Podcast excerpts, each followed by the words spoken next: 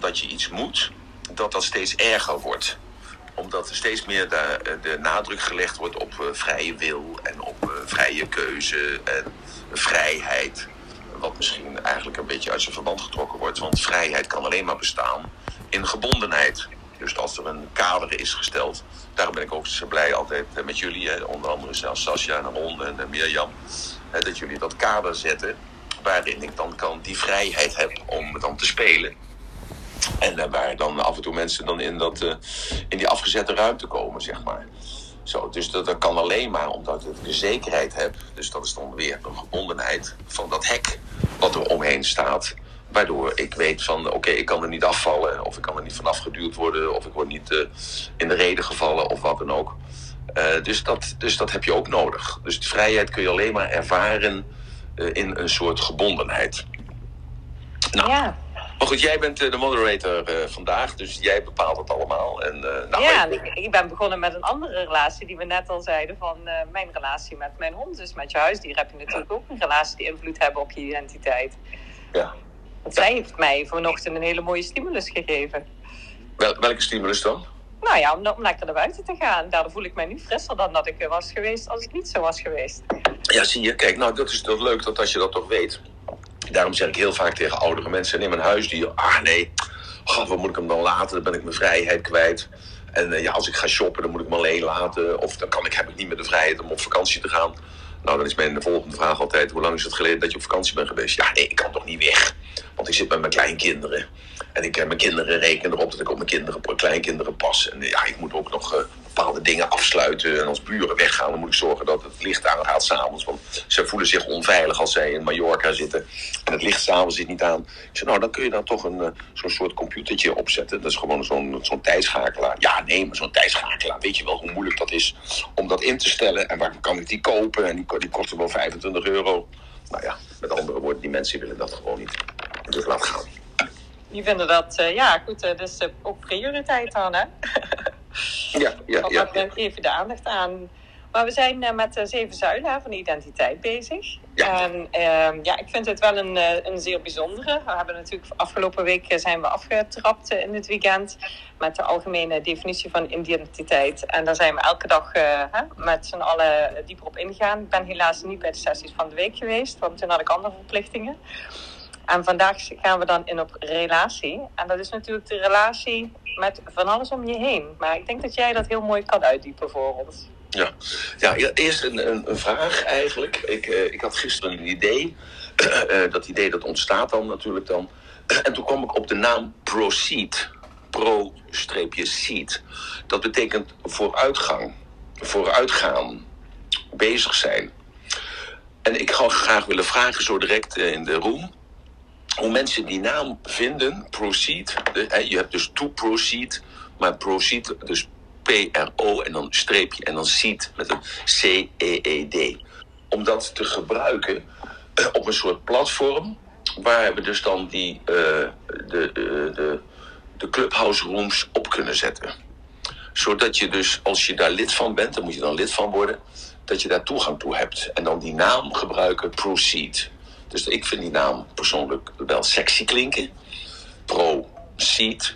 En het heeft ook nog een betekenis. De lading is dus dat het vooruitgang is. En ik denk dat de kennis en de informatie en de gesprekken die er gevoerd worden in de room, dat die ertoe komt bijdragen dat je een bepaalde denkrichting krijgt voorgeschoteld of een idee krijgt in één keer dat je denkt bij jezelf, ja, daar kom ik een beetje verder mee. Dus dat zou ik graag dat even in de room willen gooien. Dat is één. En dan zou ik willen vragen of er een aantal mensen naar boven zouden willen komen. Zoals we dan eergisteren zijn begonnen met een, een soort uh, ja, nieuw formatje. Eigenlijk een nieuw idee. Om uh, mensen naar boven te laten komen die dan uh, een, met een open microfoon, dus die kunnen altijd in de reden vallen. En als ik dan in gesprek ben, maakt het helemaal niet uit waar ik dan mee bezig ben. dat zij me dus dan gewoon op dat moment kunnen interroperen en kunnen zeggen van, hé, hey, jij zegt dat nu wel zo, maar is dat nou wel zo? Of, ja, hé, hey, je zegt dat, hey, dat heb ik zelf net meegemaakt. Wat, uh, wat leuk dat je dat uh, vertelt. Dat is een stukje herkenning voor mezelf. En daar, daar kan ik wel wat mee. Kun je daar iets meer over vertellen? Zo, dus dan, dan krijgen we juist die flexibiliteit en juist dat, ik denk, die aantrekkelijkheid van het luisteren. Omdat het dan afwisselender wordt. en niet alleen maar mijn stem hoort, maar juist dat je de, de kennis toepasbaar in een ander vat gegooid wordt. Omdat ik de mening toegedaan ben als één persoon een vraag heeft, is dat vaak dat de andere mensen diezelfde vraag hebben. Ja, zeker uh, weten. Ja. En, uh, en dat kan dan in een andere context zijn, maar dan kan ik die context kan ik dan ombuigen naar andere contexten, eh, zodat het dan ook makkelijker te behappen is. En, en dat zou ik eigenlijk willen vragen, of er een paar vrijwilligers naar boven zouden willen komen, die zich dan mengen of, of juist niet, maakt ook niet uit. Ze hoeven helemaal niks te zeggen. Het is geen, uh, geen verplichting natuurlijk. Maar dat er dus een stukje uh, discussie kan ontstaan. Wat de levendigheid en dus ook voor de toehoorders meer afwisseling gaat brengen. Want uh, ik ken allemaal de kreten van de aandachtscurve van mensen is 12,5 minuut. Nou, ik ben het daar absoluut niet mee eens. Uh, om de dood eenvoudige reden dat als ik seminars geef die 17 of 18 uur duren, dat er uh, niemand wegloopt. uh, ja, of alleen eventjes heel snel naar het toilet. Maar het gaat gewoon door. En dan heb ik natuurlijk daar wel allerlei systeempjes ingebouwd, allerlei grapjes en golletjes. dat ik om het half uur iets doe wat onverwachts is. Waardoor het juist ja, de moeite waard blijft om te blijven hangen. Niet ja. uh, uitkijk naar uh, weer dat volgende grapje van het half uur wat gaat komen. Maar dan is men weer eventjes, uh, ja, even, men staat op een ander been. Hè? Letterlijk of figuurlijk staat men dan op een ander been. Ja, en door, door met de, de informatie zelf aan de slag te gaan, hè, blijft hij ook beter hangen. Dus het heeft ook ja. nog echt zijn voordelen om echt actief mee te doen. Dus ik zou vooral de mensen willen vragen, ga op deze invite in. Dit is een unieke opportunity om je gedachten te wisselen met Emiel. Dus steek vooral je handen op. Uh, en, en, wees, ja, en Sas, even aanvullen aan, aan jouw uh, positieve uh, in, in, introductie. Nog even zo van, ja, heel veel mensen denken nog altijd van dat vragen stellen dom is. En, en juist, uh, of, of denken van ja, ik ben een beetje verlegen en uh, ja, ik kan tegen die ratelbal niet opboksen of zo. Ja. Maar dat, het gaat niet een kwestie van opboksen, het is juist complementair aanwezig zijn. Want juist dat, dat vragen is, uh, ja, is juist iets voor jezelf, waardoor je je uit, ik heb al eens eerder uitgelegd, die energie die jij hebt, die, kun je naar, die kun je binnen tegen jezelf gebruiken. Maar je kunt het ook uh, voor jezelf gebruiken. Dus dat is dat, die explosie hè, naar buiten toe. Dus dat is dan, dan gebruik je dat naar buiten toe of je implodeert. En dan gebruik je die energie tegen jezelf. Dus dat is eigenlijk een, een, een, iets heel raars. Dat als je de energie gebruikt die je hebt en je brengt het naar buiten toe, dan explodeer je. Dan ben je extravert, je explodeert, het gaat naar buiten toe. En dan het rare is dat als je dus die energie die je hebt in kennis of in aandacht of in liefde of financiële onafhankelijkheid of in tijd, als je dat dus deelt met iemand die buiten jou is, dan krijg je daar iets anders voor terug. Je krijgt daar iets voor terug wat je eigenlijk niet hebt kunnen verwachten. Of niet hebt kunnen.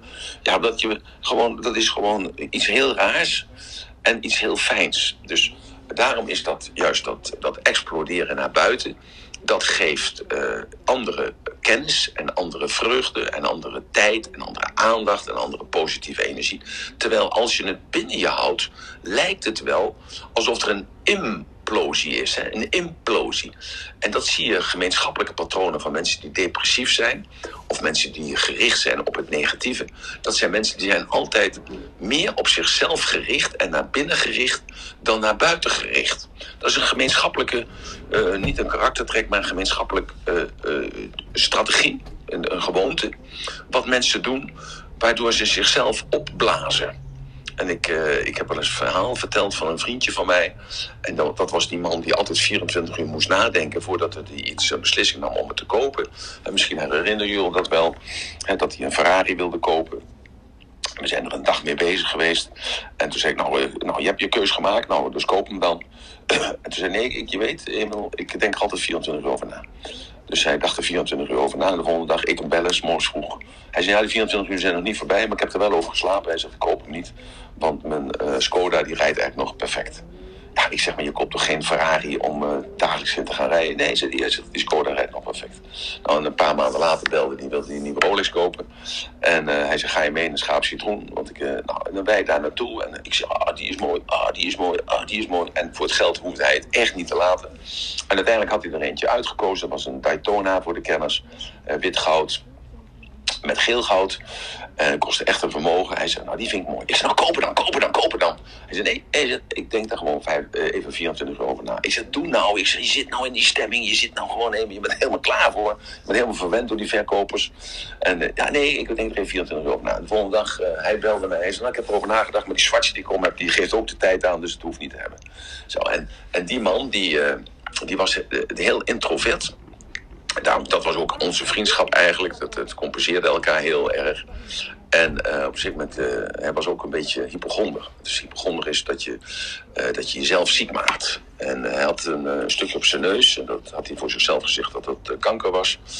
En dat, was, dat bleek dan ook kanker te zijn, maar niet agressief. Dus dat moest weggehaald worden. hij was een beetje verkouden. Hij dacht dat hij longkanker had. Hij rookte ook wel heel erg veel, moet ik zeggen. En uh, ja, dus hij zei tegen zijn vrouw, ja, wat heb ik nou? En kuchen, kuchen, kuchen. En hoe meer hij dat over dat kuchje had, en hoe minder hij erover, hoe minder hij erover sprak, hoe meer moest hij kuchen. En op een gegeven moment zei zijn vrouw, laat de dokter komen. Nee, nee, er hoeft geen dokter te komen. Nee, nee, er hoeft geen dokter te komen. Jawel, er gaat wel een dokter komen, zei zijn vrouw. dus die vrouw belde mij. ja, je moet die dokter laten komen, je weet nooit wat het is. Nee, ik wil niet hebben dat er een dokter komt. Die dokter komt, die onderzoekt hem. Nou, hij laat zich niet onderzoeken. Dus die dokter zegt, nou, dan laat ik je opnemen in het ziekenhuis. Nee, ga niet naar het ziekenhuis. Hij zegt die dokter, ja, je gaat toch in het ziekenhuis, want voor hetzelfde geld kan het dit of kan dat zijn. Nee, ik ga niet, ik ga niet, ik ga niet. Die dokter die belt de ambulance, de ambulance komt. Hij verzette zich hevig tegen die uh, broeders. Uh, uiteindelijk, uh, die broeders, ja, die dachten, ja, die dokter zegt, hij moet mee naar het ziekenhuis, dus dan moet hij mee naar het ziekenhuis. Dus ze pakten hem in de klem. Hij vocht zich helemaal, helemaal, ja, helemaal, helemaal moe. Hij werd vastgesnoerd op die brancard en hij ging tekeer. Die brancard die sprong wel een meter hoog bij spreken. Dus ze gaven hem een spuit, dus dat hij rustiger werd. En hij woonde in Breukelen, hij moest naar Utrecht toe het ziekenhuis toe. Hij was in het ziekenhuis en was overleden. Wat bleek, hij had zijn eigen hart opgeblazen door de stress, door de spanning en door uh, zichzelf zo kwaad te maken dat hij zich niet kon, kon uiten dat hij zichzelf heeft eigenlijk gedood. Zo, dat is eigenlijk een beetje het, uh, het extreme voorbeeld van een implosie. Dat je jezelf ook kunt opblazen en tegelijkertijd ook een bewijs dat je jezelf uh, beter kunt maken, maar jezelf ook kunt vernietigen. Nou, daar gaan Goedemorgen. we. Goedemorgen. Uh, nou, uh, Vera hier. Uh, ik vind het eigenlijk, ik heb het verhaal eerder gehoord, maar ik vind het best wel een heel indringend verhaal. Mhm. Dan is, kijk, die man die leefde van zijn angsten. Hij was ontzettend Ja. angstig, terwijl hij misschien heel veel bereikt had in zijn leven. zeer succesvol, ja. dan Ja. is het heel triest dat zo'n man puur uit angst en om zich niet te kunnen uiten, want dat is eigenlijk het punt waar het om gaat. Dat Ja. zal ook heel moeilijk in zijn relatie met zijn vrouw, met zijn kinderen, met zijn eh, werknemers geweest zijn. Dat zo'n man zich niet heeft kunnen uiten en het meende allemaal alleen eh, te moeten opknappen. En dat je dat dan gebeurt alleen uit angst. Ja. Is zo'n man dan erg ehm, eh, onzeker of ziet hij Nee. zichzelf niet als het waard om een Ferrari te rijden of, of Nee. noem maar iets? Nee, Wat het is was, dat het, eh, het was, zijn moeder had in een concentratiekamp gezeten, die had het overleefd. Ja. En eh, dat had hij, eh, de, de verhalen die hij niet gehoord heeft, hè, de verhalen die hij niet gehoord heeft, maar die hij zelf verzonnen heeft, die, die bij zijn moeder pasten volgens hem, die heeft hem die angst bezorgd. Dus een soort erfzonde. Door het zwijgen van zijn moeder deed hij precies hetzelfde. En, Van de andere kant zou je dan toch ook kunnen zeggen, doordat zijn moeder het, het overleefd heeft en dan toch, eh, ze zal een hele slechte tijd meegemaakt hebben, weinig eten, voeding, Ja.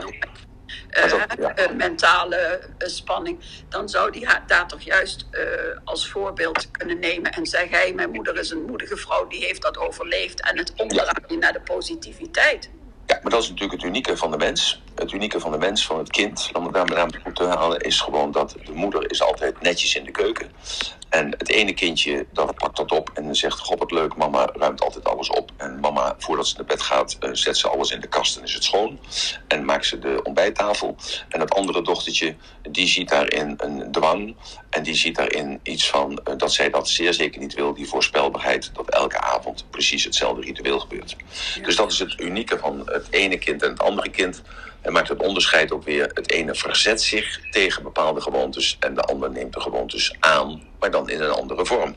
Ja. Dus dat is het, het hele leuke en ook het unieke eraan. En dat is ook het unieke aan de identiteit waar we het over hebben. Want de identiteit wordt dus gemaakt door de zeven zuilen. Hè? Dus de zeven zuilen van jouw uh, uniek zijn. En als we dan kijken, ik maak even een recap van de afgelopen week. Het eerste is het, de mentale processen. Hè? Wat zijn jouw oordelen? Wat zijn je vooroordelen? Wat zijn je overtuigingen? Hoe denk jij? Denk jij in uh, grote zaken of denk jij in details? Uh, hoe gebruik jij die hersencapaciteit die eigenlijk allemaal voor ons allemaal gelijk is? Bestaat uit een kleine 100 uh, tot 150.000 triljoen neuronen. Dus dat is een onnoemelijk groot aantal en daar worden verbindingen in gemaakt. We hebben allemaal dat tot onze beschikking, maar iedereen gebruikt dat op een andere wijze. Wat altijd nog steeds een uniek proces is en ook verbazingwekkend hoe het mogelijk is dat bij tweelingen of bij drielingen, en dan hebben we het over onderzoeken bij één eigen en twee eigen tweelingen, dat daar, of nee, op één eigen tweelingen, dat zelfs daar de werking anders is. Dus het gaat om de mentale processen, de manier van denken, wat dus heel sterk jouw identiteit maakt. Het zijn de fysieke processen en het fysieke uiterlijk. En we hebben al uh, geconcludeerd dat elk mens uniek is. En iedereen heeft een, een ander hoofd en een ander lichaam, een andere kleur, ander haar. En uh, heeft een andere fysieke expressie. En kijk maar eens naar hoe mensen lopen. Er is niemand die hetzelfde loopt.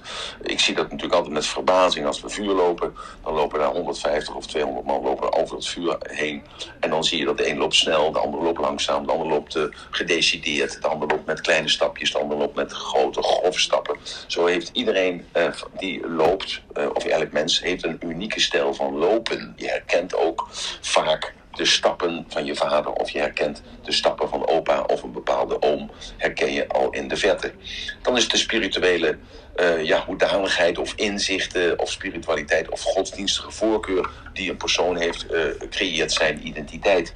Iemand die het altijd wel heeft over God of iemand die een grote baard heeft en een, een, een grote, grote zwarte haardos en dan daarop nog een bepaald petje op heeft, ja, geeft een andere indruk. Dat valt dan wel weer onder het fysieke, maar dat wordt geladen door het spirituele. Geeft weer een andere unieke touch aan de identiteit van die man of van die vrouw als die dan een halsdoek draagt of een, een, een haardoek draagt. Dan hebben we de sociale aspecten. En hoe ga je verbindenissen aan? Hoe ga je daar mee om? Hoe uh, spiegel jij je? Uh, zijn mensen voor jou een spiegel of zijn ze juist uh, het tegenovergestelde? Wil je er gewoon daar niet mee vergelijken? De mens bestaat alleen bij de gratie van de ander. Want als hij alleen zou zijn, zou er niemand zijn om zich aan te spiegelen. Want wij lopen omdat wij onze ouders hebben zien lopen. En we praten Nederlands omdat we onze ouders Nederlands hebben horen praten. Had ik jou in China neergezet, uh, zes dagen na jouw geboorte, had jij nu Chinees gesproken. En was je maar een rare Chinees geweest in Nederland, althans. Ja, dan is er onze carrière, waar we het hier gisteren over gehad hebben. Dus ik heb dat vertaald in loopbaan. He, dat is de baan die je loopt door je hele leven heen. Want uiteindelijk, en of dat nou de school is, of het is je werk, je carrière, of het is je vrijwilligerswerk, het is de loopbaan waar je overheen gaat. En dat is een belangrijk stuk van je leven. Want als je kijkt naar de dagindeling van iemand, nou, we hebben 24 uur, dat staat gewoon, dat is gewoon vastgegeven. We hebben zeven dagen in de week. De loopbaan maakt daar uh, gemiddeld een kleine vier, vijf dagen van uit. Ook als je deeltijdarbeid hebt of je een ZZP'er bent. Vaker is het natuurlijk als je zelfstandig bent, uh, is je werk je hobby en je hobby is je werk. Dus dan is het eigenlijk uh, 7, 24 uur. Maar die loopbaan is uh, uiteraard belangrijk voor je interesses en voor hoe je gaat. En dat is die 24 uur per dag. Je slaapt gemiddeld 8 uur. Ja, 8 uur werk je dan. En dan blijft er 8 uur over voor sociale contacten, voor je eigen gezondheid, voor bepaalde interesses die je hebt. En ook dan nog je reistijden en je aanvliegtijden heb je daarvoor nodig. Dus dan ga je begrijpen dat die carrière, die loopbaan, ontzettend belangrijk is, zonder dat je denkt dat je daarover nadenkt. En dan gisteren hebben we het gehad over geld, over financieel. En dat geld een overtuiging is. En hoe ga je daarmee om? En gisteren is dat heel interessant gegaan door de mensen die uh, op, de, in de, op het podium kwamen. Daar zijn eh, hele interessante vragen gesteld die echt heel erg leefden bij mensen. En ik heb die eh, proberen te beantwoorden. En eh, zoals gewoonlijk vraag ik dan uiteindelijk, als ik het antwoord heb gegeven, of ik hem of haar daarmee geholpen heb. En het antwoord was eigenlijk unaniem ja. En er waren heel veel inzichten. En er waren heel veel openingen weer doorheen gekomen. Waardoor mensen weer verder konden met hun problematieken of met hun uitdagingen, zoals we dat noemen. En vandaag wil ik het hebben over relaties. Want een relatie natuurlijk is heel belangrijk in je leven. Want alleen is maar alleen. En wetenschappelijk is het ook bewezen dat uh, in de, uh, dat is in de blauwe gebieden geweest. Dat op blauwe gebieden zijn die onderzoeken geweest over mensen die lang en gezond leven. Bleek dus dat dat één van de factoren is waardoor mensen gezond oud worden. En dat zijn relaties die ze aangegaan zijn met een andere sekse of met dezelfde sekse, dat maakt niet uit. Maar dat ze een, liefdesrelatie hebben. En blijkt dan dat mensen die een liefdesrelatie hebben met elkaar uh, lange termijn, die blijken uh, langer gezond te blijven dan mensen die de stress meemaken van scheiding op scheiding op scheiding. Dus ik zit goed wat dat betreft. En uh, ja, dus ik heb dat uh, doorbroken, die gedachte eigenlijk als het ware, maar wetenschappelijk ligt dat wel zo. Dus we gaan het vandaag hebben over relaties. En, uh, ja, en tegelijkertijd schiet mij dan te binnen, als ik denk aan relaties, heb je twee soorten relaties. Ja, je hebt natuurlijk wel veel meer soorten, maar de twee relaties die mij eigenlijk te binnen schoten waren eigenlijk, er zijn vrijwillige relaties, maar je hebt ook verplichte relaties. En die vrijwillige relaties, laat ik daar nog eens mee beginnen. Daar heb je invloed op. Daar heb je invloed op. Want jij bepaalt of jij verliefd wordt op een persoon. Of dat jij een vaste relatie met die persoon aangaat. Jij bepaalt of jij een vrijwillige relatie aangaat die tot vriendschap leidt. Je hebt een vrijwillige relatie tot een werkgever. Je hebt een vrijwillige relatie tot God. Want er zijn allemaal, heb je allemaal invloed op. Dus daar kun je invloed op uitoefenen. En, daar kun je ook vanaf. En je kunt gaan scheiden. Je kunt afscheid nemen van je vrienden. Je kunt uh, een andere baan zoeken. Je kunt God inwisselen voor Allah. Of je kunt Allah inwisselen voor, uh, ja, voor ja, helemaal, helemaal niks. En dan word je atheïst. Dus, dus die relatie is niet vast. Dat is een vrijwillige relatie. En uh, je hebt verplichte relaties. Je hebt verplichte relaties. Als je daarover nadenkt. Jij zit vast in jouw relatie met jouw lichaam en met je organen, met je familie. Je zit vast aan jouw cultuur. Je zit vast aan jouw klanten. Je zit vast aan de mensen waar je mee opgegroeid bent. Je zit vast aan het universum. Je zit vast aan je buren. En dan kan je nog even zeggen van oké, als de buren vallen, dan ga ik verhuizen. Dus dat is min of meer een vrijwillig of een verplichte relatie. Maar uh, die buren heb je gewoon. Dat is je gewoon. Uh, of je zit vast aan jouw soort. En wat is het wel eens opgevallen dat, dat als je in verdrukking zit of je zit in eenzaamheid, dan val je terug op jouw soort. En jouw soort bedoel ik mee, dat is dan jouw bloed of jouw, uh, jouw nationaliteit als je in, de vreemde zit. Of in dezelfde godsdienst als je in een gevaarlijk gebied zit. Dan val je daarop terug. Dus daar zit ook een verplichting in. Uh, de gevangenis, ik weet niet of je ooit wel eens in de gevangenis hebt gezeten, dat is ook een verplichte relatie. Dan moet je een relatie opbouwen met die uh, cipier. Of je die nou aardig vindt of niet aardig vindt, dat, dat is nou eenmaal zo. Zo, dus, dus eerst wil ik dat verschil maken. Dus er is een vrijwillige relatie en er is een verplichte relatie. Nu kan het natuurlijk wel zo zijn dat heel af en toe die vrijwillige relatie die kan verplicht worden. Hè? Dus een, vrijwillige relatie waar je in bent gegaan, dat kan verplicht worden. Want je op moment is zij jouw waardes dermate dat jij je verplicht voelt om bij die persoon te blijven waarmee jij bent getrouwd. Of jij hebt een verplichting voor jezelf geschapen dat jij bepaalde winkels bezoekt, of bepaalde artsen hebt, of een advocaat of een accountant of wat dan ook. Dan voel jij je verplicht dat jij bij die man of die uh, kunt, moet blijven. Maar verplicht kan ook in sommige gevallen vrijwillig worden. En dus ik heb net al gezegd van die godsdienst. Maar je kunt bijvoorbeeld een, uh, een opname in een inrichting. Dat, is dan, dat is eerst verplicht. En daarna als je goed je best gedaan hebt, dan wordt het vrijwillig. Dan mag je weglopen. bijvoorbeeld de, de, relatie met je lichaam. Dat is dus, we hebben het laatst ook over gehad. dat is een verplichting. Je moet dat je aanpassen aan je lichaam. Je gedachten moet je aanpassen aan je lichaam. Je moet het accepteren. Maar vandaag de dag heb je dat biohacking. Aan je lijf. Dat, dat gebeurt ook steeds vaker. Dus je bent niet tevreden met je lichaam.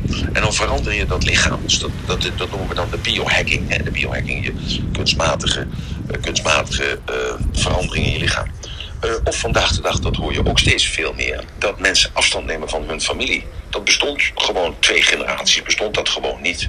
Je hoort het bij die familie en, en nu hoor je steeds vaker dat er wel afstand van genomen wordt. Nou, wat is nou het verschil? Wat is nou het verschil en hoe kun je daar nou in bewegen? Want daar gaat het natuurlijk om. Hoe kun je daarin bewegen zodat het jou niet frustreert en zodat je ervan leert, want dat is denk ik altijd de opgave in elke situatie, dat wat jou overkomt, dus dat die verplichte relatie die jij dus aangegaan bent met iets of iemand waar jij geen enkele zeggenschap over hebt gehad, hoe kan jij nou daar het beste uit maken? Want als je het ervaart als dwang, ja, dan uh, heb je voortdurend stress, ben je voortdurend in de aanval en word jij een vervelend mens, niet alleen voor jezelf, maar ook voor anderen. En kun je leren om dat, die verplichte relatie, om daar een acceptatie van te maken. Dus dat je kan leren om daarmee overweg te gaan op de een of andere wijze. Daar zullen we het over hebben zo direct. Ja, dan maak je het leven makkelijker en lichter voor jezelf. En ik denk dat dat als je die keuze, als je weet dat jij die keuze hebt, dus tussen die dwang of die acceptatie en hoe je dat kan doen, dan denk ik dat dat vandaag een waardevolle aanvulling is voor identiteit, maar ook een waardevolle aanvulling is voor jouw databank van kennis. Want hoe meer kennis je hebt, hoe meer keuzes je hebt, ook hoe meer keuzestress je hebt, waar we het gisteren over gehad hebben. Dat is ook zo. Maar als je die duidelijkheid maar creëert voor jezelf wat je wel wilt en wat bij jou past, als je die duidelijkheid hebt en creëert, dan heb je die keuzestress niet. Want dan ben je blij dat je kunt kiezen uit duizend en twee oplossingen. In plaats van dat je veroordeeld bent tot dat ene wat ervoor zorgt dat je dwangmatig bezig bent. Zo, dus dan hebben we het eerst over de vrijwillige relatie. Als je kijkt naar de vrijwillige relatie. Uh, jullie moeten me wel bij de les houden, dat ik niet uh, wegga, ik niet wegstroom. Dus ik hoop dat tot nu toe duidelijk is. Is het duidelijk, Sascha? Ja, ja, ik denk dat het heel belangrijk is dat je verschillende typen en dan alles omvattend ook hebt aangegeven. Ik weet niet of uh, Ingrid, John, uh, Ginger of Robert daar nog op willen reageren. Misschien op dit moment. En nog even een invite om uh, iets te vragen als het niet duidelijk was. Maar voor mij was het in ieder geval duidelijk. Oké. Nou, dan eerst met, met de vrijwillige relatie. een vrijwillige relatie, wanneer gaan wij een vrijwillige relatie aan? Wij kunnen alleen een, een, relatie is dan natuurlijk ook wel iets hè, wat is een verbindenis. Hè. Eh, dus dat is niet maar losvast. Uh, we hebben daar een, uh, je hebt natuurlijk ook losvaste relaties. Maar een, een verbindenis wil zeggen dat je een verbindenis aangaat. Je spreekt dus met elkaar af dat je vriendjes bent of dat je een relatie hebt. Of dat hoeft niet altijd expliciet uitges, uitgesproken te worden. Maar ik hoop dat ik daar niet verder over na hoef te, uh, niet hoe verder in de diepte hoeft te gaan. Een relatie is een, een verbindenis aangaan. Dus het is een afspraak maken met elkaar waar je je dan aan houdt. Een vrijwillige relatie kan in mijn inziens alleen maar succes hebben als er gelijke waarden zijn. En gelijke waarden, wat ik daarmee? Een waarde staat voor een regel. En die regel die hebben we dan altijd verwoord in één woord. Dat is een waarde. En een waarde is belangrijk voor jou. Waarom is die waarde belangrijk voor jou? Want die waarde creëert een bepaald gevoel. Een gevoel van vertrouwen, een gevoel van geliefde, een gevoel van genegenheid, een gevoel van gemeenschappelijkheid, een gevoel van afkomst of op tijd zijn of op afspraken zijn of uh, geloofsovertuigingen of politiek of op eerlijkheid of op kwetsbaarheid of op doelen stellen of in ieder geval die waarden die, niet uit, vaak niet uitgesproken zijn, worden vaak gezegd vandaag de dag als zijnde gevoel. Ik voel mij betrokken bij jou. Ik voel mij één met jou. Wij hebben dezelfde energie. Jij zit in mijn energetisch veld. Zo. Dus heel veel mensen geven dat naam, maar het is een gevoel. En dat gevoel komt voort uit het feit dat jij een aantal zaken hebt benoemd ik heb al eerder gezegd, 98% van ons handelen gaat onbewust. Maar dus dat gevoel komt voort uit die waarde die gelijk ervaard wordt. Dus als je dat begrijpt, ik hoop dat dat duidelijk is, dan, dan ga je begrijpen dat dus een vrijwillige relatie gebaseerd is op gelijkwaardigheid. En nu komt het woord gelijkwaardigheid, wat ik al eerder heb gezegd. Mensen zijn niet gelijkwaardig, een man en vrouw zijn niet gelijkwaardig, want zij hebben andere waarden. Maar je kunt dus wel in de relatie van man-vrouw of werkgever-werknemer of in, uh, ja, in, in alle vrijwillige relaties die er zijn met je vrienden, maak je afspraken. En als er gelijkheid, gelijkheden zijn, de gelijke waarden zijn, zijn er gelijke gevoelens en zijn er gelijke regels. En dan kun je vanuit die basis kun je verder bouwen. Dus als er in deze uh, setting van vrijwilligheid een verschil schuift van waarden en je krijgt een ander inzicht, je groeit, je hebt een ernstige ziekte, je komt in een crisis financieel, uh, op wat van ook. Dus op dat moment ga je anders denken. Ja, dan weet jij of die vrienden vrienden zijn. Want namelijk, op het moment dat het tegenzit, en tegenzit wil zeggen, jij kunt er niet mee overweg. Jij hebt in jouw toolbox, in jouw gereedschapkist, heb jij op dat moment niet het gereedschap wat je nodig hebt om uit die stresssituatie te komen dus je bent bevroren, je weet niet of je aan moet vallen of dat je moet vluchten, je weet niet wat je moet doen. En dan juist heb je vrienden nodig van gelijke waarden, die jou dus terug kunnen trekken, als het ware, in die waarden die belangrijk zijn, die jij even bent vergeten. En die brengen jou dus terug in dat optimale gevoel van hoe jij wil zijn. Dus dat is een vrijwillige relatie die daarop gebaseerd is. Ik hoop dat dat duidelijk is, want daarna krijg je een verplichte relatie die iets anders is. En daarom wordt hij dan ook vaak ervaren als dwang.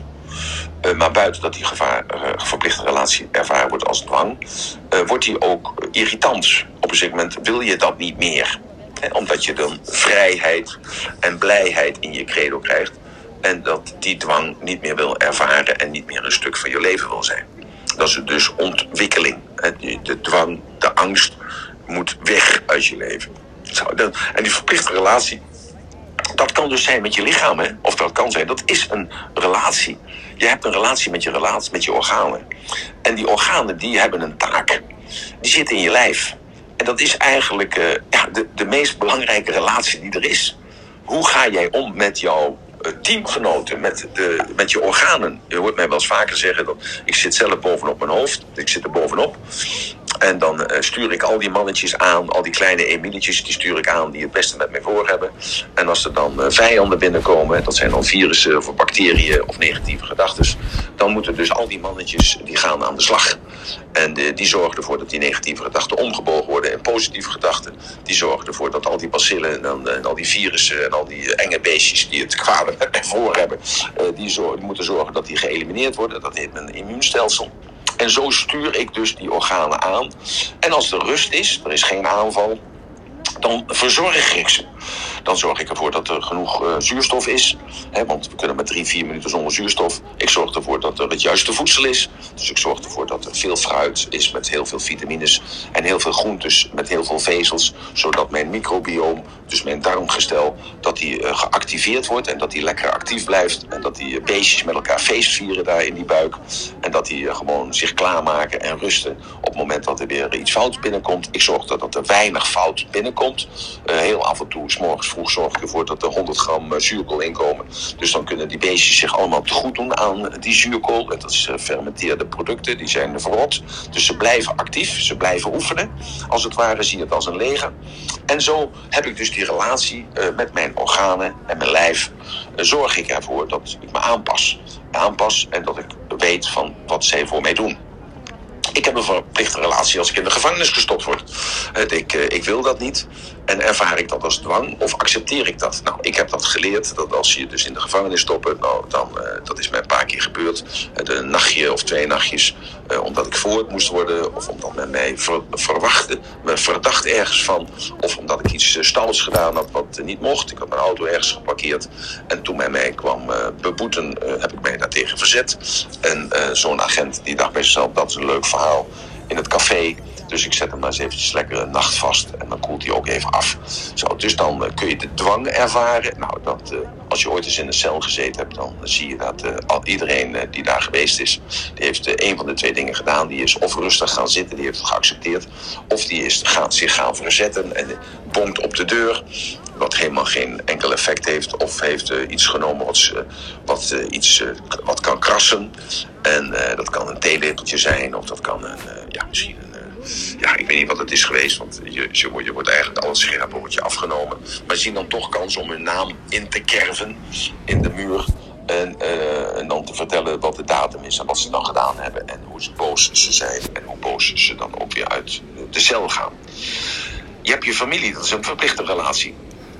En je bent, eh, je, men- zo'n spreekwoord zegt wel eens, eh, vrienden kies je uit, maar je familie krijg je. Nou ja, dat is ook zo. Dus je zit eh, vast aan je vader en je moeder. En dat kun je ook weer accepteren dat dat zo is. En door de acceptatie leer je eh, de positieve zaken van hen. En leer je ook inzichten te krijgen. En ja, kom je tot de conclusie dat al die ervaringen die zij hebben gehad. En die, jou, die ze jou mededelen en vertellen dat je dat niet zo moet doen. Dat je dat toch eerst moet ervaren, al is het een andere context. Dat je al die ervaringen die zij gehad hebben, moet je ook eerst zelf ervaren. Voordat je begrijpt wat familie voor jou betekent. En kijk je naar je ouders, hè, dan is dat vaak met kinderen zo dat als kinderen kinderen krijgen, dat zij dan pas begrijpen wat papa en mama met jou meegemaakt hebben. En dan pas kun je accepteren waarom papa zo streng was, of papa zo lief was, of waarom mama eh, gewoon eh, de pijp aan heeft gegeven en gezegd: Nou, je zoekt het maar uit. Want misschien zit dat dan ook wel een klein beetje in je en herken je dat pas op het moment dat jouw kinderen onhandelbaar worden. Zo is het met je omgeving. Hè, De omgeving waar je in opgevoed bent. En je hebt geen middelen gecreëerd, geen financiële middelen gecreëerd, maar ook geen ruimte gecreëerd in je, in je hoofd om die omgeving te veranderen. Dus je hebt niet de. de, de, de het is geen verplichting, hè, maar je hebt niet de, het inzicht gekregen om juist de omgeving die misschien beperkend voor jou werkt, maar wel vertrouwd is. Is voorspelbaar. Wat vertrouwd wil zeggen, het is voorspelbaar. Dat je die omgeving dus inruilt voor een andere omgeving. Ondanks dat je elk jaar eh, twee keer per jaar op vakantie gaat. En ondanks dan dat je eigenlijk heel veel ruimte ervaart. Zowel in je hoofd als in je lichaam. Als je in een andere omgeving bent, ga je toch terug naar die vertrouwde omgeving.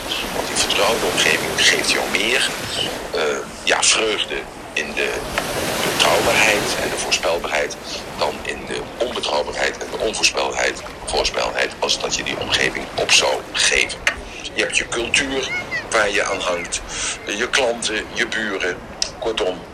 eh, ja, je zoekt jouw soort op. Hè. Als je eh, in het buitenland bent, dat zie je in eh Torremolinos. Ik herinner me daar 50 jaar geleden. Eh, dat was toch als Nederlander zijn. Er waren toen heel, niet zoveel Nederlanders in Torremolinos, helemaal wel ja. En je had daar de club, eh, de, de snackbar eh, Valkenburg. En daar hingen echte Nederlanders helemaal uit. Want het eerste wat ze deden als ze uit Amsterdam binnengevlogen waren, dan gingen ze naar de bar Torremolinos om daar een kroketje te eten. Want dat kroketje smaakte toch lekkerder in Torremolinos, in bar Valkenburg, dan thuis in Amsterdam, ergens in de pijp. En zo heb je dan de bloedband, is ook een verplichte relatie. Hoe ervaar je dat? Een clubverband, een partnerschap, je ouders. Dat zijn allemaal verplichte relaties.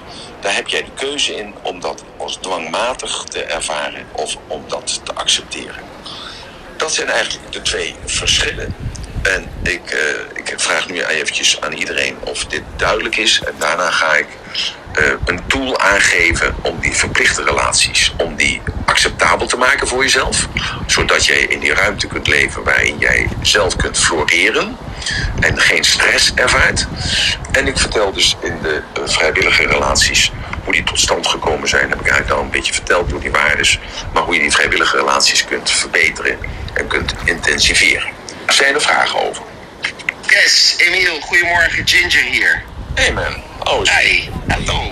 hey, ik heb nooit gezien dat jij zulke voeten hebt. Nou, die zijn gelukkig ook niet van mij. Zijn ze helemaal hersteld?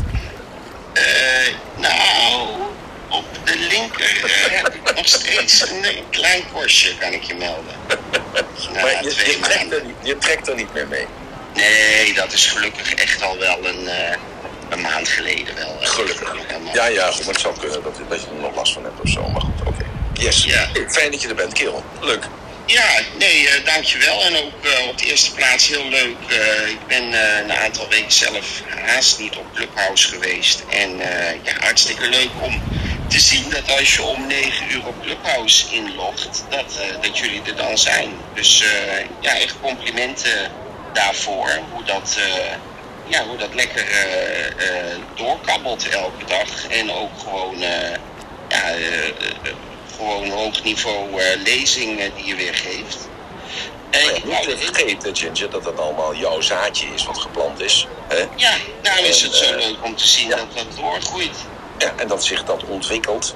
En ja, uh, ja dat, het, uh, dat er het beste van gemaakt wordt. En, ja, maar ik heb dat ook gezegd toen die dinsdag geloof ik, of die woensdag, ik weet niet eens meer, een paar weken geleden, dat we natuurlijk dat altijd wel moeten onthouden, dat het niet al dat... is geweest. Ja, nee, nee, nee, dat, dat ook... dat is prima, kerel, dat is prima. Ja. Um, ik heb er wel een, een, een toevoeging misschien op en misschien zie jij of jullie dat anders. En dan heel toevallig is dat dan ja, toeval bestaat niet, heb je mij uh, geleerd. Um, ja, gaat dat ook een beetje over ons, maar ook ik vooral naar relaties kijk. En ik kijk vooral naar relaties of ze uh, zakelijk zijn of privé. En, um, of een combinatie.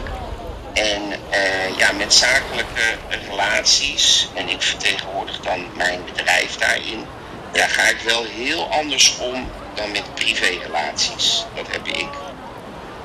Ja, maar ik, eh, ik, ik heb alleen een uh, verschil gemaakt tussen vrijwillig en verplicht. Want natuurlijk zijn er uh, zakelijke relaties, privérelaties, godsdienstrelaties. Er zijn allemaal maar alle, allerlei soorten relaties. En je kunt ja, jij hebt hem op, op, op dus die twee categorieën ja, ingestoken. Ja, ik had hem ook op, op andere dingen kunnen insteken. Oh, oké. Okay. Ja, dus, dus voor mij zijn er echt twee dan, zeg maar. En daaronder gaat het dan weer... Uh, maar is het nou, ik maak dat even terug dan af. Dus een zakelijke relatie, is dat een verplichte relatie of is dat een vrijwillige relatie? Nee, vrijwillig voor mij. Nou, dus dan geldt dat dus, dan, dan is dat onder de noemer vrijwillig. Had ik gezegd zakelijk en privé, dan hadden mensen hoogstwaarschijnlijk uh, thuis uh, dan anders een andere richting gedaan. Want met die vrijwillige relatie, uh, op het moment dat die vrijwillige relatie die zakelijk is, je maakt een afweging van wat zijn de, hè, dat zijn die waarden hè, die ik dan verteld heb. Dus die waarden, zijn die waarden niet meer gelijk, gelijkmatig, dus kun je elkaar daar niet meer in vinden, dan scheiden ze zich de wegen. Oké, okay. ja. En zijn, ja. zou een zakelijk een verplichte relatie zijn, dan zit je daaraan vast en heb je niet de keuze om je los te maken. Daarom heb ik gezegd ook van een vrijwillige kan wel verplicht worden en een verplichte kan in sommige gevallen vrijwillig worden. Want als, jij, als het vrijwillig is, kan het verplicht worden. Want je kunt afhankelijk worden van die persoon. Dus in een huwelijk kun je afhankelijk worden van iemand. Je kunt afhankelijk worden van het advies van een arts. Je kunt afhankelijk worden van een leverancier. En dan geeft dat een heel raar gevoel. Dan geeft dat een dwangmatig gevoel.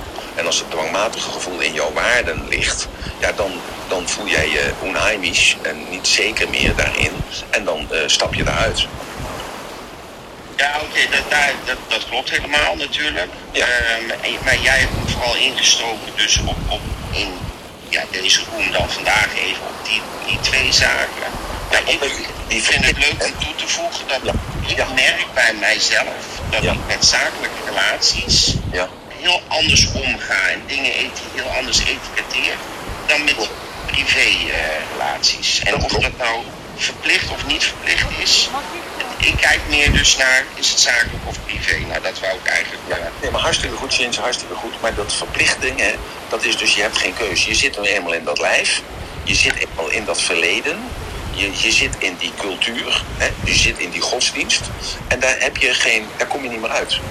En dus dan kun je, heb je alleen maar de keuze van... ja, ik voel wel die dwang. Ik voel me daar niet helemaal zeker in in die omgeving of in de cultuur of in de godsdienst of in het lichaam.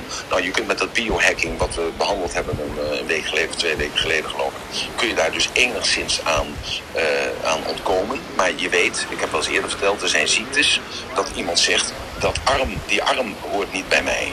Of dat been hoort niet bij mij. Die gaan eerst naar de huisarts toe. Die huisarts die verwijst dan door naar de psycholoog. De psycholoog verwijst dan door naar de psychiater. De psychiater die stelt vast dat hij of zij dus dat been of die arm niet accepteert. Dan daarmee krijgt hij een verwijzing naar de chirurg. En de chirurg haalt die arm of die been eraf. wat precies haak staat op de, uh, de eet van Hippocrates, uh, dat hij dat alleen mag merken aan zijn gezondheid. Maar de psychiater heeft verteld, hij zal gezond worden als die been of die arm die niet bij hem past verdwenen is. Zo, dus dat, dat is een andere, dat is ook biohacking. Je verandert je lichaam omdat je er zelf niet mee kunt, uh, kunt leven. Ja, ik heb nog één dingetje voor jou, Emiel, omdat ik je nu toch spreek. En dat heeft toch ook weer met die familiaire relatie te maken. Ja.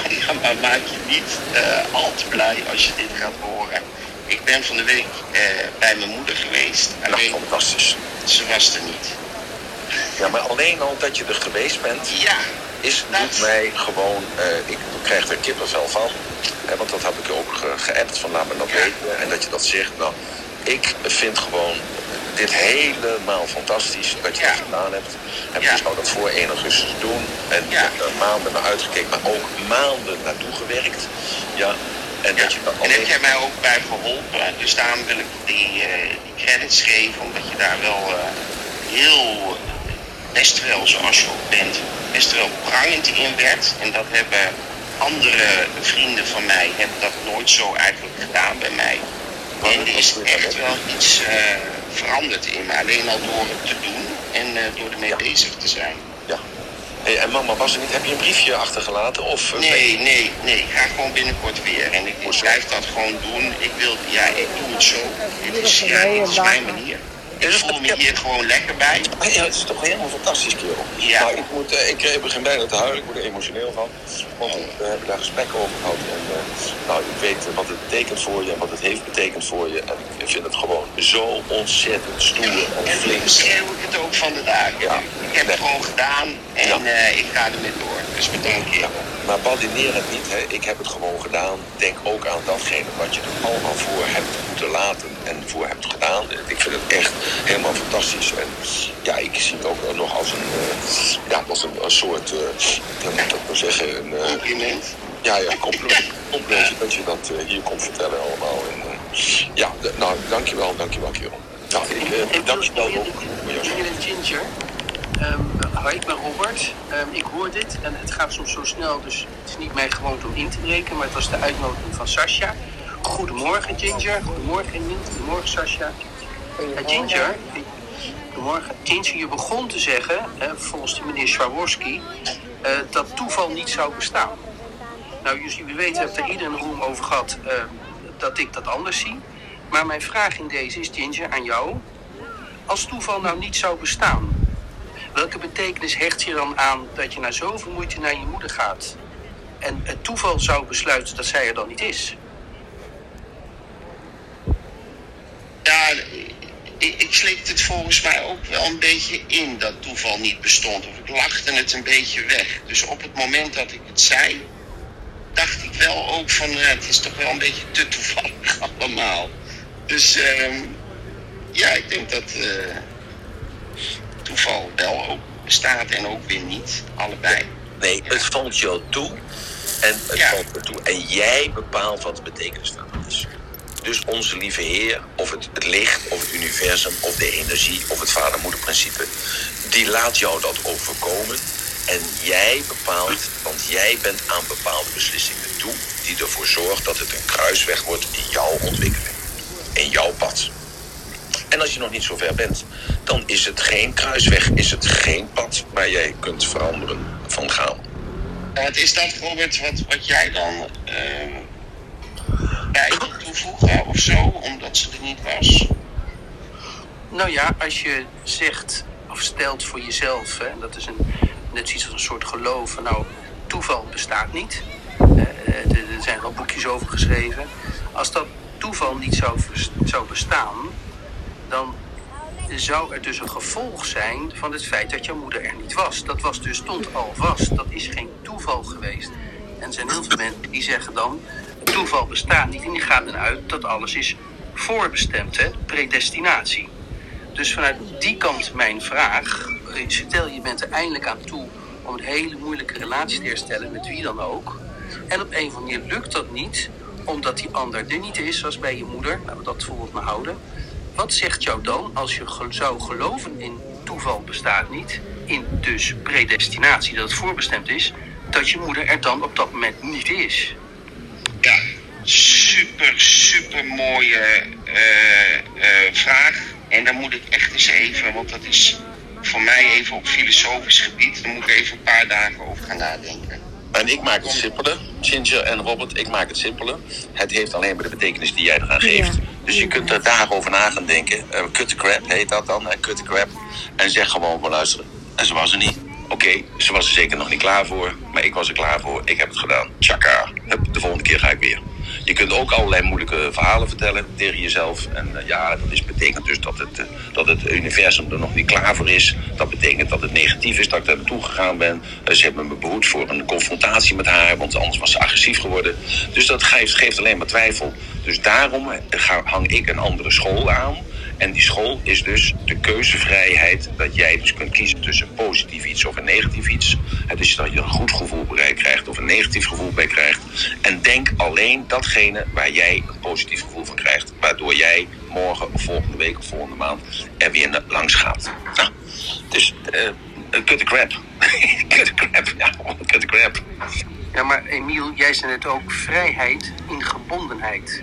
En de gebondenheid kan voor Ginger in dit geval eruit bestaan dat hij uh, bijvoorbeeld denkt: toeval bestaat niet. Dat begrijp ik, maar je kunt vaak eens wat, wat zeggen zonder dat je begrijpt wat je zegt. en dat is ook goed. Want je, dat zijn heel veel mensen. Bijvoorbeeld als ik zeg ontwikkeling, dan denken mensen gewoon aan de generator of zo. Of ze zien een, een klos met draad.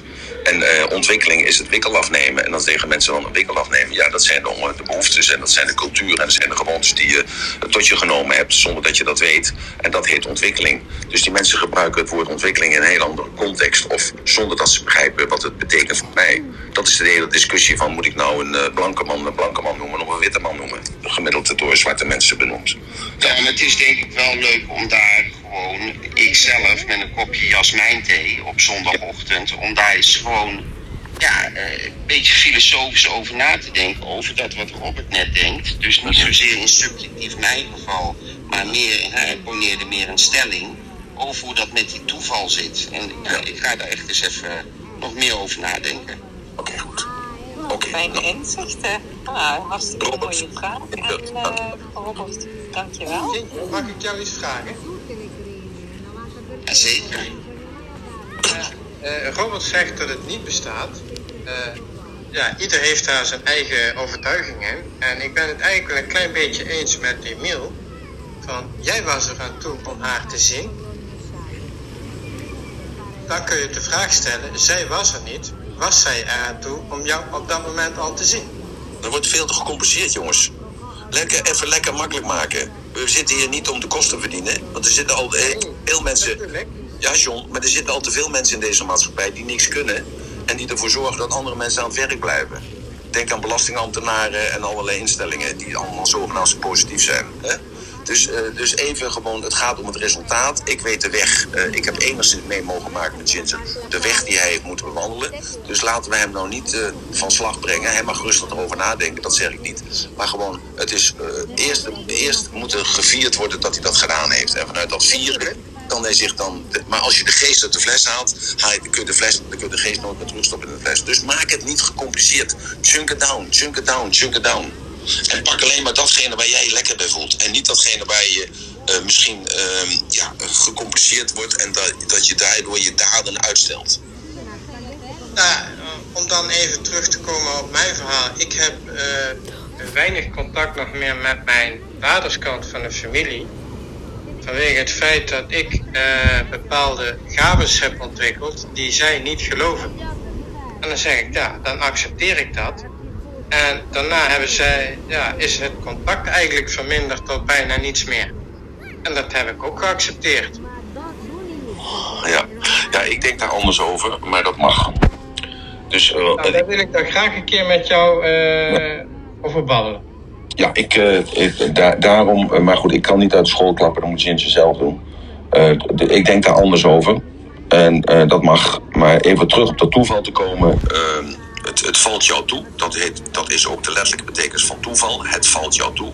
En ik zeg dus in het kader van de vrije wil. En uh, Robert kan zo direct ook tegen mij zeggen: Ja, Emil, maar ik heb aan jou gevraagd: is alles voorbestemd een week geleden? En toen heb je gezegd: Ja, alles is voorbestemd. Ja, oké. Okay. Dat herinner je nog, Robert, dat je dat gevraagd hebt en dat ik dat geantwoord heb. En dat dit staat er paradoxaal, staat dit daarop. Maar dat is de vrije keus die er toch is. Ik geloof in de vrije keus, ondanks dat ik weet dat die niet bestaat. Geloof ik ja toch in. Ik hou mezelf voor gek, want daardoor heb ik grip op mijn ellende om mij heen. Dus dat, is het hele verhaal. Het gaat erom, is het effectief voor jou? En, en, en, en, en, ik wilde niet dat aan die zekerheid voor mij getornd wordt. Dus, dus uh, Ginger, of uh, Robert, uh, sorry dat ik dat zo zeg. Hè. Dus ik wil niet dat daar aan mijn zekerheid getornd wordt. Want ik heb die zekerheid opgebouwd voor mij om stabiliteit te creëren in mijn leven. Waardoor ik recht sta en waardoor ik kan functioneren. Want ik weet zelf ook als die stabiliteit weggehaald wordt, dat ik, uh, dat ik andere uh, waardes en normen aan, normen aan moet gaan nemen in deze context. Dan weet ik dat ik ga wiebelen en dan zou ik mezelf wel eens kunnen verliezen. Want kijk mij naar mijn body logic, dan zie je dus die, die uitersten daarin en ook de dualiteit die ik vaak gezegd heb. Dat ik aan de ene kant spijkerhard ben en aan de andere kant ben ik zo zacht als een pakje gesmolten boter. Dus wat voor mij werkt, werkt voor mij. En wat, ja, dat begrijp ik heel goed, Emiel. En uh, je begrijpt ook dat ik dat begrijp. Dan kom je terecht bij uh, het ken uzelf. Ja. Het allermooiste wat er is. Ja. En de een doet het anders en de ander doet het weer op een andere manier. Het ging mij alleen om, om te reageren op wat uh, Ginger zei. Voor mij bestaat toeval, godzijdank. Het, het, is dus toeval dat ik mijn vrouw ontmoet, om maar eens een voorbeeld te geven. Het is eigenlijk een toeval dat ik zo op Clubhouse ging kijken, ergens begin februari. En in deze fantastische room terecht kwam met jou. Um, en ik aanvaard het toeval en daarmee ook het, de chaos in mijn leven. Maar ook ik heb net zoals jij uh, natuurlijk uh, bepaalde stabiliteit nodig om verder te kunnen komen. En dat leer ik ook heel erg in jou. En ik vind het ook onwijs goed dat je dat zo zegt. Mijn vraag was eigenlijk meer gericht naar uh, Ginger. Kijk, en dit, Robert, is, maakt het nou zo mooi, hè? Dit maakt het nou zo mooi dat dit, zoals Ginger nou net ingekomen is om dat te vertellen, dat jij dat mooi vertelt, dat we elkaar daarin accepteren en dat we elkaar kunnen zien als broeders en als zusters en dat we op die manier elkaar kunnen, op elkaar kunnen stapelen als het ware en hoger kunnen komen met z'n allen. Dus niet de een en complementair, zoals dat mooie woord jij ook toegevoegd hebt aan mijn vocabulaire. Dus, want ik denk ook heel vaak, of dacht heel vaak in, in en, en, en of of. Maar toch ook weer in tegenstelling. En dat heb jij door één zinnetje een aantal weken geleden of een paar maanden geleden heb jij dat veranderd helemaal in mijn lijf. Dat het complementair geworden is. En ik gebruik dat woord ook vele malen meer en vaker sinds de, jij mij dat geleerd hebt. Dus ik ben je daar heel dankbaar voor, Robert. Ja? Ja, wederzijds, Emiel. Dankjewel. Dankjewel. Nou, maar ik wil eventjes naar de, de sleutel van een goede relatie. Want dat is eigenlijk waar, waarin men dan, uh, waarom men ook ingetuned is eigenlijk, als het ware. Neem ik aan, denk ik dan maar weer. Maar goed, ik denk dan even voor jullie allemaal. Ja, heel graag, Emiel. Uh, ja, want dat gaat het om. Want zo direct dan zegt dus als je tegen mij... Hey, het is tien uur geweest, het uur is voorbij. Dus uh, we moeten eruit. Nee, eventjes iedereen. We kunnen rustig nog even blijven hangen. De sleutel tot, goede, tot een goede relatie is communicatie. Communicatie. En wat is communicatie? ja, communicatie is eigenlijk alleen maar je afstemmen op de ander. En dat betekent dus van geven word je rijk. Dus communicatie is je afstemmen op de ander. Dat wil zeggen, je moet je eigen communicatie even verlaten. En je moet gaan naar de communicatie van de ander. Dat wil zeggen, je moet dus praten en doen en laten zoals die ander. Dus de ruimtes uh, in de woorden laten, de tijd nemen, de woordkeus overnemen en die communicatie aanpassen. En als je, als je dat doet in een uh, verplichte, uh, in een verplichte verbindenis, of een, verbi een verplichte relatie of in een vrijwillige relatie, dan zul je zien dat je in een andere ruimte komt met elkaar. Want een relatie is dus een verbindenis met een andere persoon of een andere hoedanigheid of met een ander soort of met een andere uh, omgeving. Uh, uh, maar dan, dan ga je door dat aanpassen, dus door, die, door, die, door dat zoeken van die modaliteiten van de ander, dan, dan merk je dat je in een andere ruimte komt. Want namelijk die verbindenis, dat is de, de, de crux dat moet je realiseren.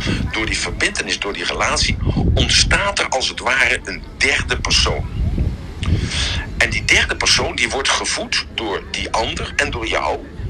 En die derde persoon die krijgt een hele andere functie in de relatie. Dat is eigenlijk de relatie. Dus het, het handelen en het denken van twee personen in een relatie verwordt tot een derde persoon vorm.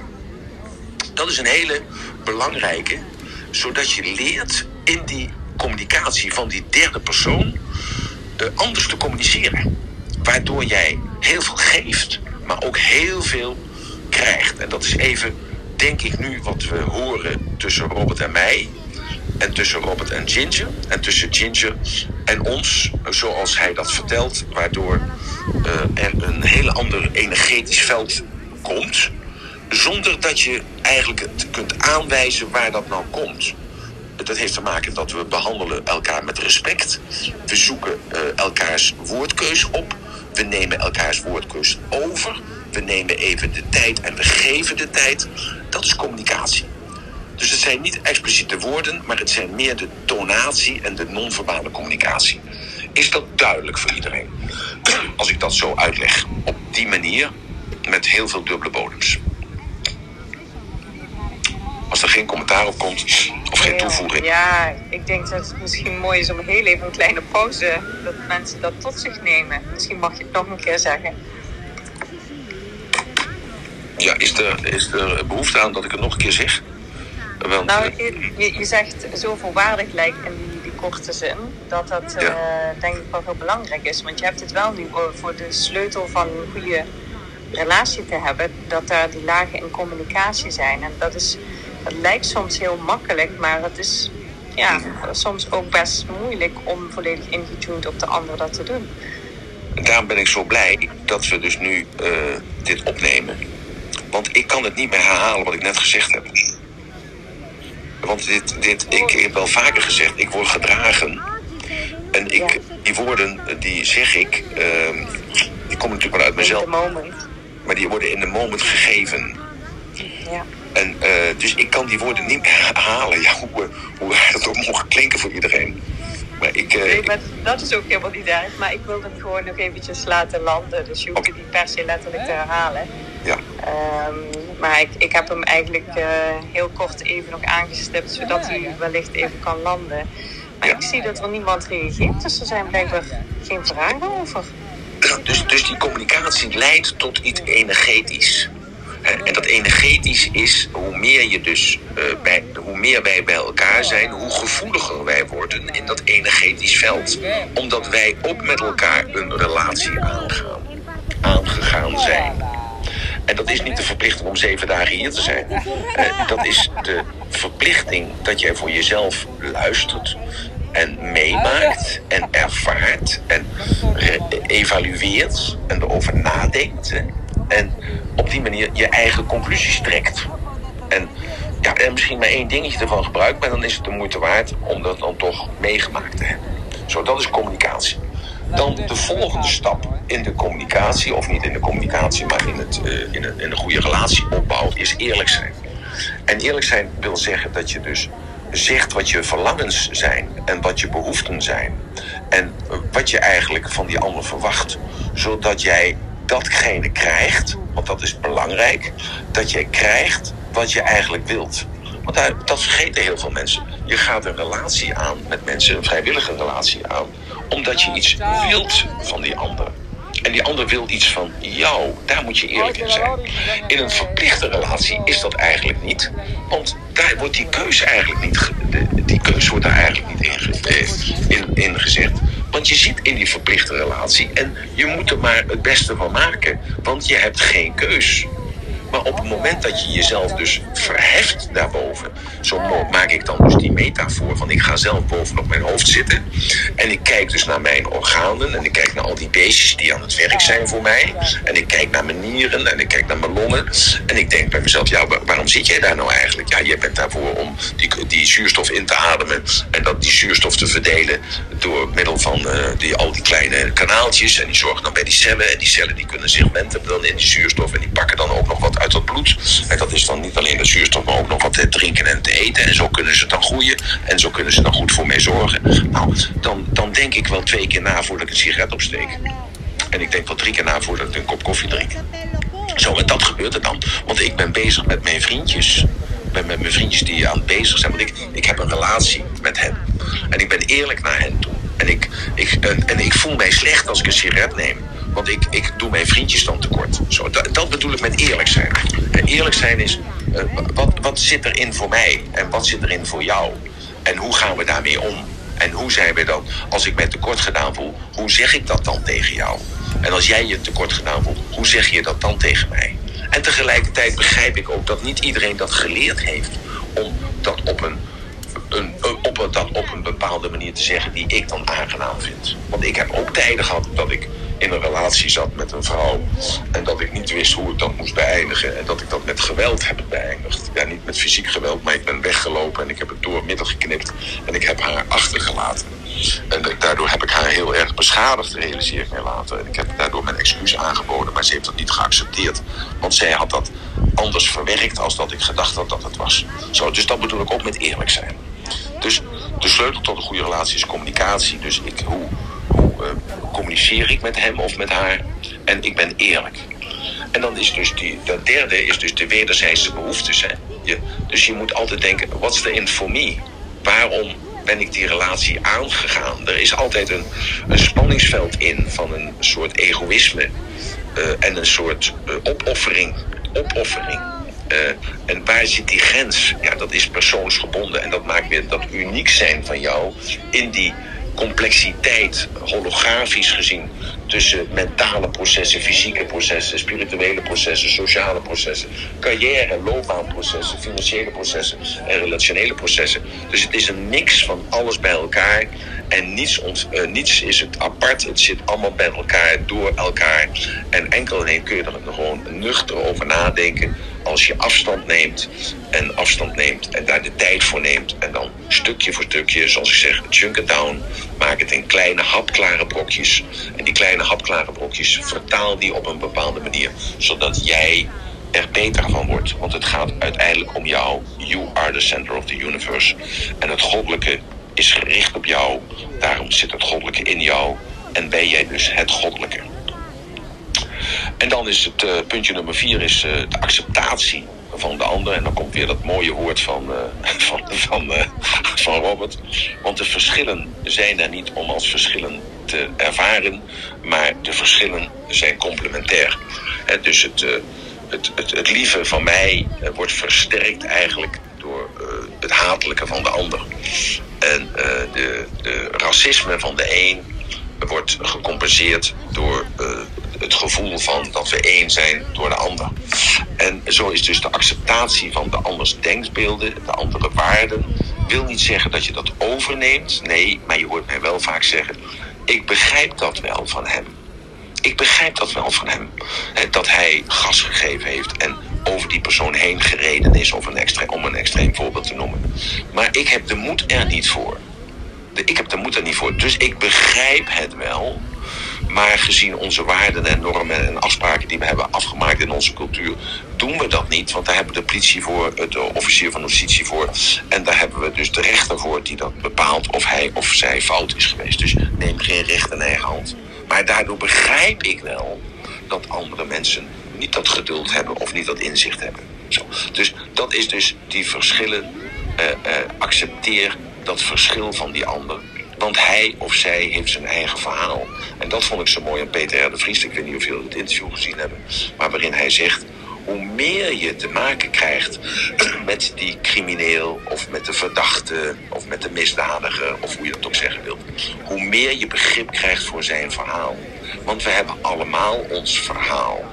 En we hebben allemaal redenen om te ontsporen. En we hebben allemaal redenen om op het spoor te blijven. En het is niet iedereen gegeven om het op de juiste manier te kunnen vertellen. Of misschien ben je er nog niet aan toe om het op de juiste manier te vertellen aan de ander die je daarom kwaad doet of pijn doet, zonder dat je wilt dat hij pijn of kwaad geleden heeft. Zo, dus dat acceptatie van de ander. En dan misschien wel het belangrijkste, dat is het laatste punt wat ik ermee wil zeggen. Anders wordt het toch te gecompliceerd. Het moet ook makkelijk blijven en toepasbaar blijven en gewoon gebruikbaar blijven. Dat is, blijf altijd positief. Blijf er altijd positief in staan. Of het nu een vrijwillige relatie is, of het is een verplichte relatie. Blijf er positief in staan. En denk altijd van hoe erg het ook is, het licht schijnt in de duisternis. En kijk dan altijd naar dat kleine, naar die kleine stukje wittigheid, dat kleine stukje licht aan het eind van de tunnel. En misschien doet het een dag, of misschien doet het een maand. En denk dan eventjes aan Ginger, die daar ja, 25 jaar gewerkt heeft om terug te gaan bij zijn moeder. En ze was er niet. Ik vind het zo fantastisch, Ginger, dat je dat gedeeld hebt met ons. 25 jaar. Dat is een hele lange tijd, jongen. En toch heb je het gedaan. Je bent sterker geweest als het kwaad in je. Dat is alleen maar respect. Doordat je positief bent gebleven en hebt, jezelf hebt teruggevonden. Daar mag je dankbaar voor zijn. En dan, eh, ja, dus dat dankbaar zijn mag je dan zijn voor jezelf. En jijzelf bent dat goddelijke. Want jij bent God zelf. En die zit niet erboven in de hemel. En je hebt helemaal niemand meer nodig om te vragen aan de priester. Kun jij aan hem vragen of hij mij wil vergeven? Nee, je kunt het zelf aan hem vragen. Want hij zit in jou. En hij zal je antwoord geven. Meteen. Vandaag nog. Dus dat zijn de sleutels tot een goede relatie. De communicatie met jezelf. En met de ander waar je toe verplicht bent. En de relatie tot anderen waartoe je vrijwillig je verbonden hebt. En die je ook het recht hebt om die weer te verbreken. Dus communicatie, zoek de modaliteiten nog van die persoon en spiegel die, eventjes uh, vlak plat gezegd. Wees eerlijk, uh, voorzie in de wederzijdse behoeftes. Accepteer die ander, want de verschillen zijn juist complementair in plaats van dat ze juist de verschillen accentueren. En blijf ten alle tijden positief. Ik hoop dat iedereen deze goed genoteerd heeft. En als je ze niet genoteerd hebt, dan komt er snel komt er een module waarin we dit allemaal weer terug kunnen luisteren. Ik hoop dat er nog wat aanvoelen, aanvullingen of aan, aanvaringen, wou ik bijna zeggen. Aanvaringen. Sorry dat ik Vragen. ik Bijna hetzelfde hoor. neem een zanddoek pakken. Eh, dus even, vragen? Kan, kan die mijn eventjes de zakdoek pakken? Wie heeft er vragen over vandaag? Aanvullingen te maken? nou, Mij was super duidelijk, eh, als die er niet zijn, want er zijn geen extra vragen. Nou, als die er niet zijn, eh, dan wil ik jullie even hartelijk danken. En ik wil eigenlijk eh, vragen, eh, voordat ik ben beëindig, morgen wil ik nog even een recap geven van alles. Ik wil dan nog even gaan induiken in identiteit, wat dat is. Omdat er een aantal mensen die zijn niet al die acht dagen bij ons geweest. Ik wil dan die identiteit nog eventjes nastippen, hoe dat nou in elkaar zit. Ik wil ook die mentale processen, wil ik het hebben, de fysieke processen, spirituele processen, sociale carrière, eh, de loopbaan, de overtuigingen van het financiële van het geld en de relationele van vandaag. Dus morgen wil ik er even heel snel in een uur, anderhalf uur nog een keer doorheen gaan. Zodat alles nog een keer herhaald wordt. Want uiteindelijk is het toch zo, repetition is the mother of the skill. Nou, dat wou ik morgenochtend om 9 uur. En dat is het zondag. Dan hebben we allemaal de tijd, meer de tijd, om daar nog even over in te gaan. Zijn er nog vragen, opmerkingen of... Ja, Ja, ik heb nog even een vraag. ja. Heren? De verbinding is... Ja, ik heb nog voor eh, eh, hoe ga je een relatie aan? Vera, de verbinding is slecht. Ik weet niet of je daar... Je, je breekt een beetje weg. Je, eh, als je verliefd wordt. Ik breek weg. Vera, Ja. je wordt verliefd of zo, zei je? Eh, Z- zei je wat, Vera? Wil je wat zeggen of eh, lukt het niet? ik zoek.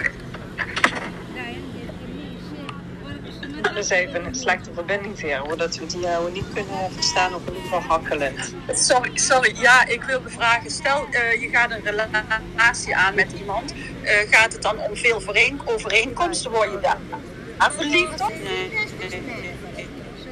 Nee, je wordt verliefd op iemand omdat er iets moet Oh, gebeuren. ja, sorry dan. Nee, oké, maar ik heb het wel gehoord. Je wordt verliefd op en eh, je, wordt, je kunt alleen maar verliefd worden op iemand die dus een bepaalde eh, eh, trigger heeft voor jou. En dat ligt vaak in de eerste vier jaar van je leven. Die persoon die moet dus die moet iets doen, anders kun je die verliefdheid niet ervaren. En dat is de, de ongeconditioneerde verliefdheid naar je moeder toe. Eh, zeker naar je vader toe, die er pas op tweede vlak bij komt natuurlijk. Dat is eh, wel heel erg discriminerend, zou je bijna kunnen zeggen, maar natuurlijk ook weer kletskoek. Eh, dat is nou eenmaal zo, want dat kind is meer verbonden met die moeder. Want die zit negen maanden in die baarmoeder, daarna aan de borst. En ja, voordat het kind de ogen opent en hoort en eh, ervaart dat er dus een andere man of een andere persoon naast zit. Ja, dat duurt gewoon eventjes. Dus het gaat heel vaak om die moeder. Dat die moeder dus iets gedaan heeft waardoor dat kind dus die, eh, die volledige ervaring van overgave, vertrouwen heeft gehad. Waardoor dat kind ja, zich helemaal eh, bleef voelen zoals ze zich voelde in die baarmoeder. Want daar wil dat kind altijd weer naar terug. Omdat dat lekker rustig is. En daar hoeven ze geen inspanningen te doen. En dus dat is dus iets, eh, zij of hij moet iets doen waardoor jij verliefd wordt. En dat verliefd zijn is dus een neurologisch proces. En dat creëert dus een bepaald gevoel, dat is die roze bril. En dat slijt dus in, want die roze bril, die, eh, ja, dat wordt dus gewoon normaal voor jou, waar je je hele leven naar verlangd hebt, dat vol, daaraan voldoet hij of zij. Hij of zij creëert dat gevoel bij jou. Daarvoor ben je zo dankbaar dat je dus, eh, dus dat eh, bepaalde neuronen activeert, waardoor je bepaalde gevoelens krijgt, chemische patronen krijgt in je lichaam, waardoor je verliefd wordt. En dat eh, gaat jou, en als er dan meer gelijkenissen zijn op stoffelijk gebied, dan ga jij aan van hem of haar houden. Dat is gelijkenissen aan waarden, zoals ik uitgelegd heb, op waardes. Dat mag ook, je mag zeggen waarden. Meervoud van een waarde is een waarden of waardes. Eh, en dat je dus een gemeenschappelijke waarden hebt. En dat je daarmee dus dan heel makkelijk die derde persoon waar ik het over gehad heb, dat je die derde persoon kunt creëren. En dan ben je dus één. En dan zie je dus ook eh, dat die mensen die met elkaar één worden, dat als er één losgescheurd wordt uit die relatie, dan is die ander is hopeloos verloren.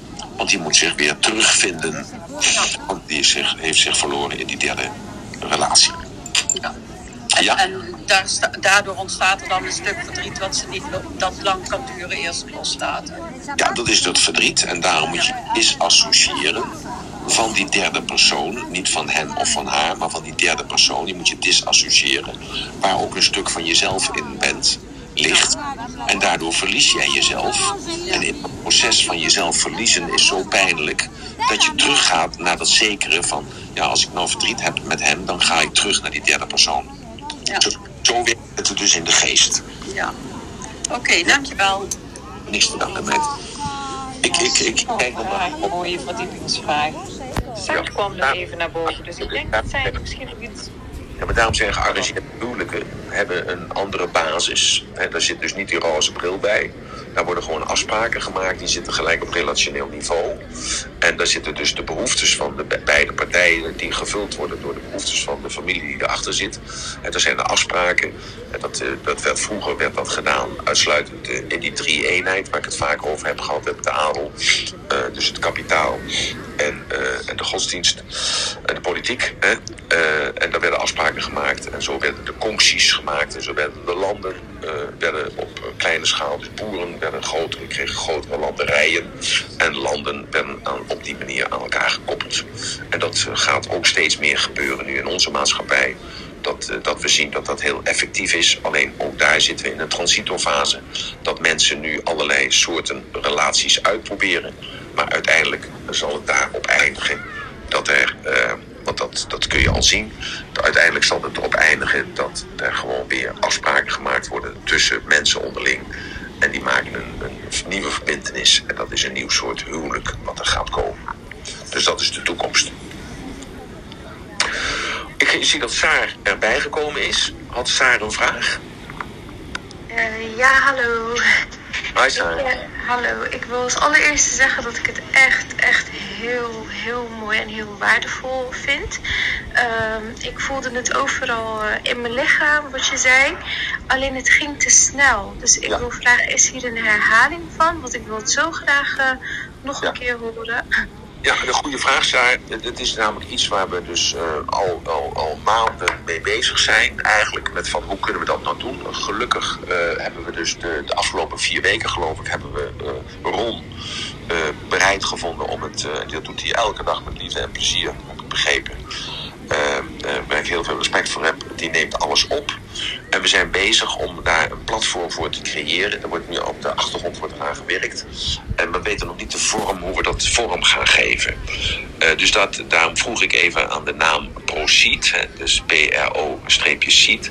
C-E-E-D, vooruitgang. Wat voor associaties dat oproept. Want ik dacht namelijk zelf aan die naam to Proceed, vooruitgang. Om dat aan dat platform te hangen. In plaats van een andere fantasy name. Dus de, de, we zijn daarmee bezig om dat uh, dus ervoor zorgen dat dat weer terug beluisterd kan worden. Oh, fijn. Oké, okay. heel fijn. Hoe, hoe, vind je die naam, Proceed? Hoe vind je die naam? Uh, ik voel hem niet, om je eerlijk je te zeggen. Ja, ja, ja dat, ik, spreek hem uit, en ik spreek hem uit naar jou en ik voel dat, dat jij hem niet voelt en ik voel hem ook niet. Je hebt gelijk. Oh, Oké, okay. oké, okay, dankjewel. Ja. Dankjewel, dankjewel, Sarah. Dankjewel. Ja. Oké. Okay. Goede terugkoppeling, dankjewel. Ja. Nee. Ja, dat waren volgens mij de laatste vragen. We zijn ook langzamerhand richting de half elf aan het gaan. Dus ik denk dat het uh, tijd wordt voor de afronding uh, met het ratelbandje. Ja, uh, ja ratelbandje voor vandaag is communicatie. En die communicatie is, in plaats van de verschillen te zoeken, zoek nu eens de gelijkenissen van elkaar. En zoek nou eens de gelijkenissen van mensen van waarmee jij verplicht in een relatie zit. En of dat nou je lichaam is, of het is, uh, zijn je vader en je moeder, of het is uh, je kindje. Waarin jij verplicht in een relatie zit. Of waarin jij uh, vrijwillig in een relatie zit. En, en kijk nou eens naar de gelijkenissen. Kijk nou eens naar de gelijkenissen waarom die relatie bestaat. En als je kijkt naar die gelijkenissen waarom die relatie bestaat, dan vergroot je die gelijkenissen dat vergroten van die gelijkenissen wil ik vragen van dat je daar aandacht aan geeft. En dat je die andere persoon zegt van uh, ja, ik hou eigenlijk van jou omdat puntje, puntje, puntje, puntje. Of uh, ik ben eigenlijk bij jou omdat puntje, puntje, puntje, puntje. En waarom ben jij bij mij? Puntje, puntje, puntje, puntje. En waarom hou jij eigenlijk van mij? Puntje, puntje, puntje, puntje. En ik denk dat dat een mooi ratelbandje is. Dat ik je die uitdaging geef om dat vandaag uit te proberen bij één persoon. En ik weet zeker dat als je dat bij één persoon gedaan hebt, dan krijg je een antwoord op. En dan ga je naar een tweede toe, en een derde toe, en een vierde toe. En dan vanavond, als je daar dan over nadenkt, dan denk je bij jezelf: tja, wat ben ik toch een rijk mens dat ik zoveel relaties heb die zo intensief zijn dat ik daarmee kan praten en mee kan dansen en ermee kan huilen en mee kan liefhebben. Dat ik dat allemaal heb, dat ik dat allemaal heb gecreëerd. Oh, wat ben ik daardoor dankbaar voor. En neem van mij dan nou dat je vanavond lekker zult slapen. En dan zien we elkaar morgenochtend. Dankjewel wel voor jullie aandacht en voor jullie tijd. En eh, nou ja, tot, eh, tot morgen.